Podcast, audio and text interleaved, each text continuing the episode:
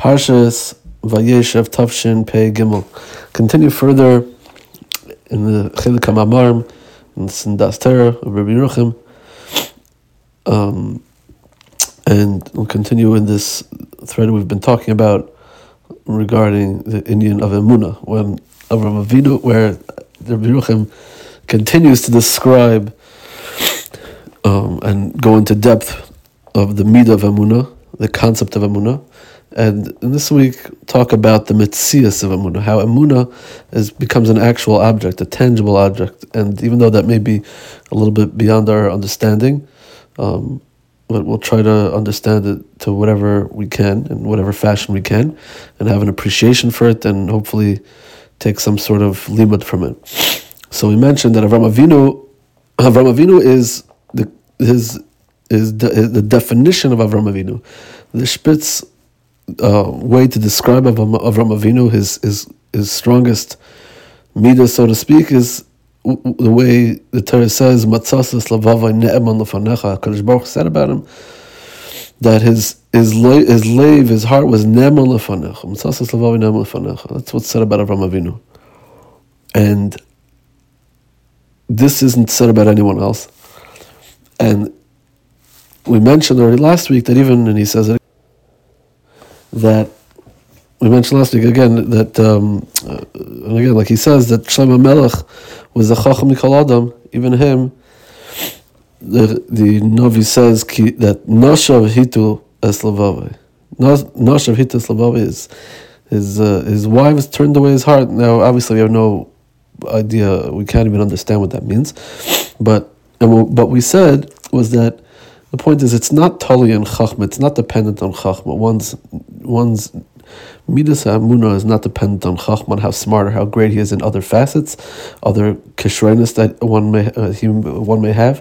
Uh, amuna is a whole different thing, and it's something that Avram Avinu was the spitz of. He was the the epitome of, and others weren't were not. Even other great great people, and to understand this we'll, we'll take it to another level, a new a new dimension. For some people, there are, or for every person, they have every person has their their levels that they um, can relate to, right? For some people, certain things are challenges, and for others, those things aren't challenges at all.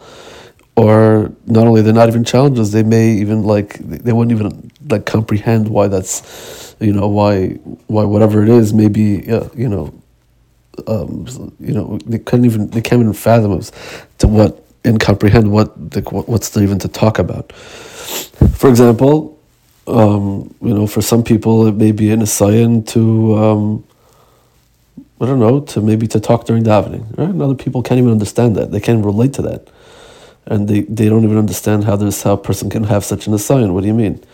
Uh, how can you like what what shaykhs? They don't have. They're so far away from it.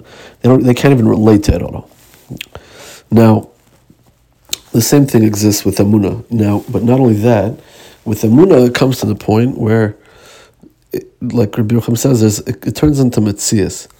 When someone's on such a great level of amuna, it's an actual mitzias. It's a tangible um, object, so to speak, of of amuna, and nothing can budge a person.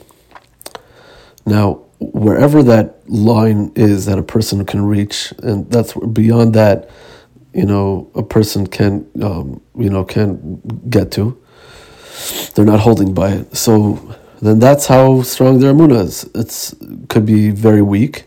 It could be in which it, you know it, it's not that strong at all. It's it's basically nothing, or it could be tremendously strong and nothing can move it like a, like a mitzias which was Avram Avinu's level. And the more a person, uh, whatever situation a person finds themselves, um, let's just talk with respect to with regarding emuna. So if they find themselves in an asayan of emuna, and they, for them, they can pass and they don't feel shaken by it. They know that that's their strength, and that's it. It goes that far. Where it ends is that shows where they're up to, and it, it could show that their, you know, their entire amuna is very, very weak. Now, when it came to Avram Avinu and his Asar Nisyonis, which he passed flawlessly, So it wasn't just that, um, you know, he passed tests and it, okay, that's great. It showed that his he was on the level of matzasas levavai neman lefanecha, and his emunah was ironclad, and he was immovable in his trust in the Kadosh Baruch Hu, up to the point that um, the Kadosh Baruch Hu could say about him that he was his his his live, his heart was a neman. He was a he was a neman in front for Kadosh Baruch whatever that means. now, with this, Rabbi Yochum says we can understand a couple different things, or many different things, but it brings out a couple different akudas which are very interesting. One of them is a famous the Maisa, the tragic death of Rebbe Akiva. The Tan Rebbe Akiva, the Haley Rebbe Akiva, he was tortured to death with masreke shalbars, with iron combs, and uh, we're burning his, his flesh. It was a terrible misa and from the Saruga Malchus, and Rebbe Akiva famously cried out, he said, he, when he, he said Shema Yisrael, and he said that he was he was telling telling his Talmud who was there at the time, he said, I was always waiting for this, right? He says, uh, Kol Yoma Yisim Al Pasik Zeh B'chol Nafshecha. I was waiting for this moment when I can say B'chol Nafshecha and I can really reach those levels. I feel even if a Kadosh Baruch Hu takes your, your neshama. And he said, Masa Kamena. And now it's Kamena. How can I get to that? How can I, how can I not, you know, how can I let myself down? and not you know accomplish what I've what I've been waiting to accomplish for my whole life. So one of the simple questions that is like, what, why do you have to? Why did he have to? You know, what, that's what he was waiting for. He was waiting to die, and to, to get to that level. I mean, there's a, you know, the, that's it. Like, uh, you know, that's what he's missing. So, what do you mean? Not only that, we, we know. I mean, that's not the goal of a person that he should dial Mesiras Nefesh. He should, you know, dial Kiddush Hashem Nefesh. You know, he should, he should live. He should live. He should live and do mitzvahs. Right? That's not. We're not martyrs. That's not the point of, of life. Is to be. You know, obviously, if one has the opportunity, that's the greatest way to be nifta. But but why is that the the the you know the way that that's not the goal of of one's life to to die al Kiddush Hashem. The goal of one's life is to to do mitzvahs and what's the shot?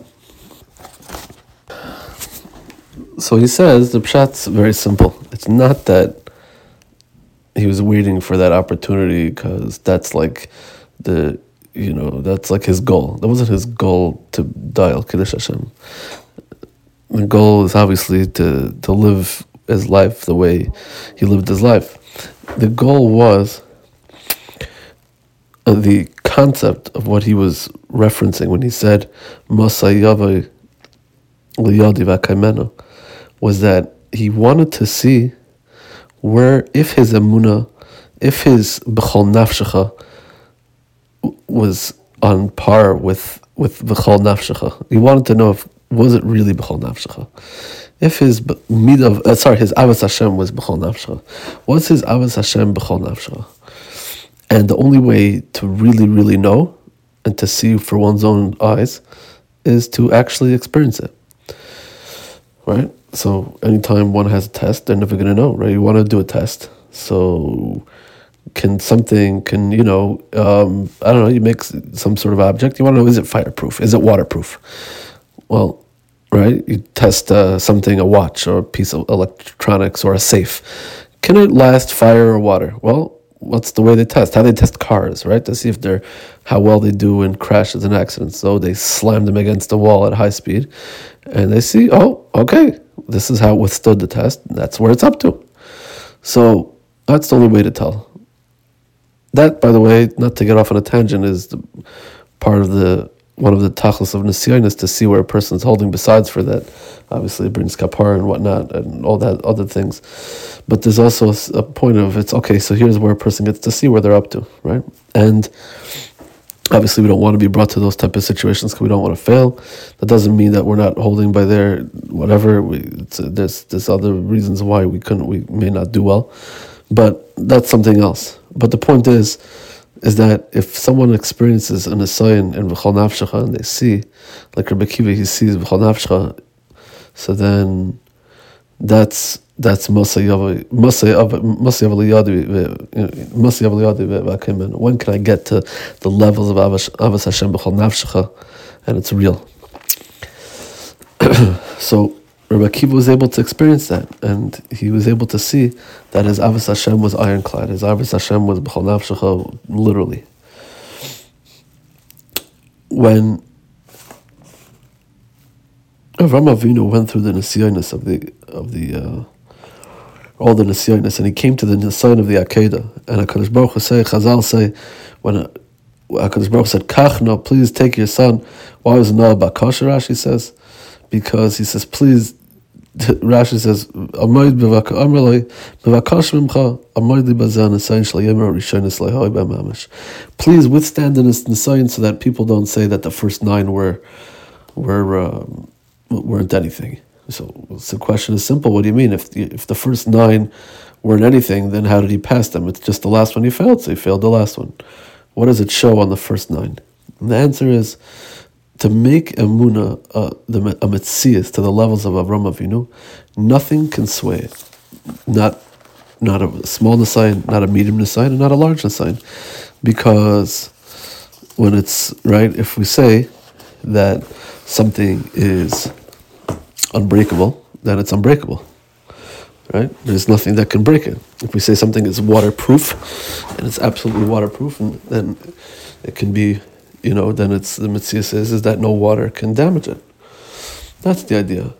The idea is to get to those kind of levels. Now, like we said, those are levels are very very hard to come come to, but it's something that we can understand, and I think that the one thing that we can maybe at least take from it practically is that to appreciate what what an assign is, and when um, when we find ourselves in one to realize um, the role that it plays, that it's there for many reasons. We may not understand them all, but once we're in it, then we can try to realize that it's a test to show what we're up to.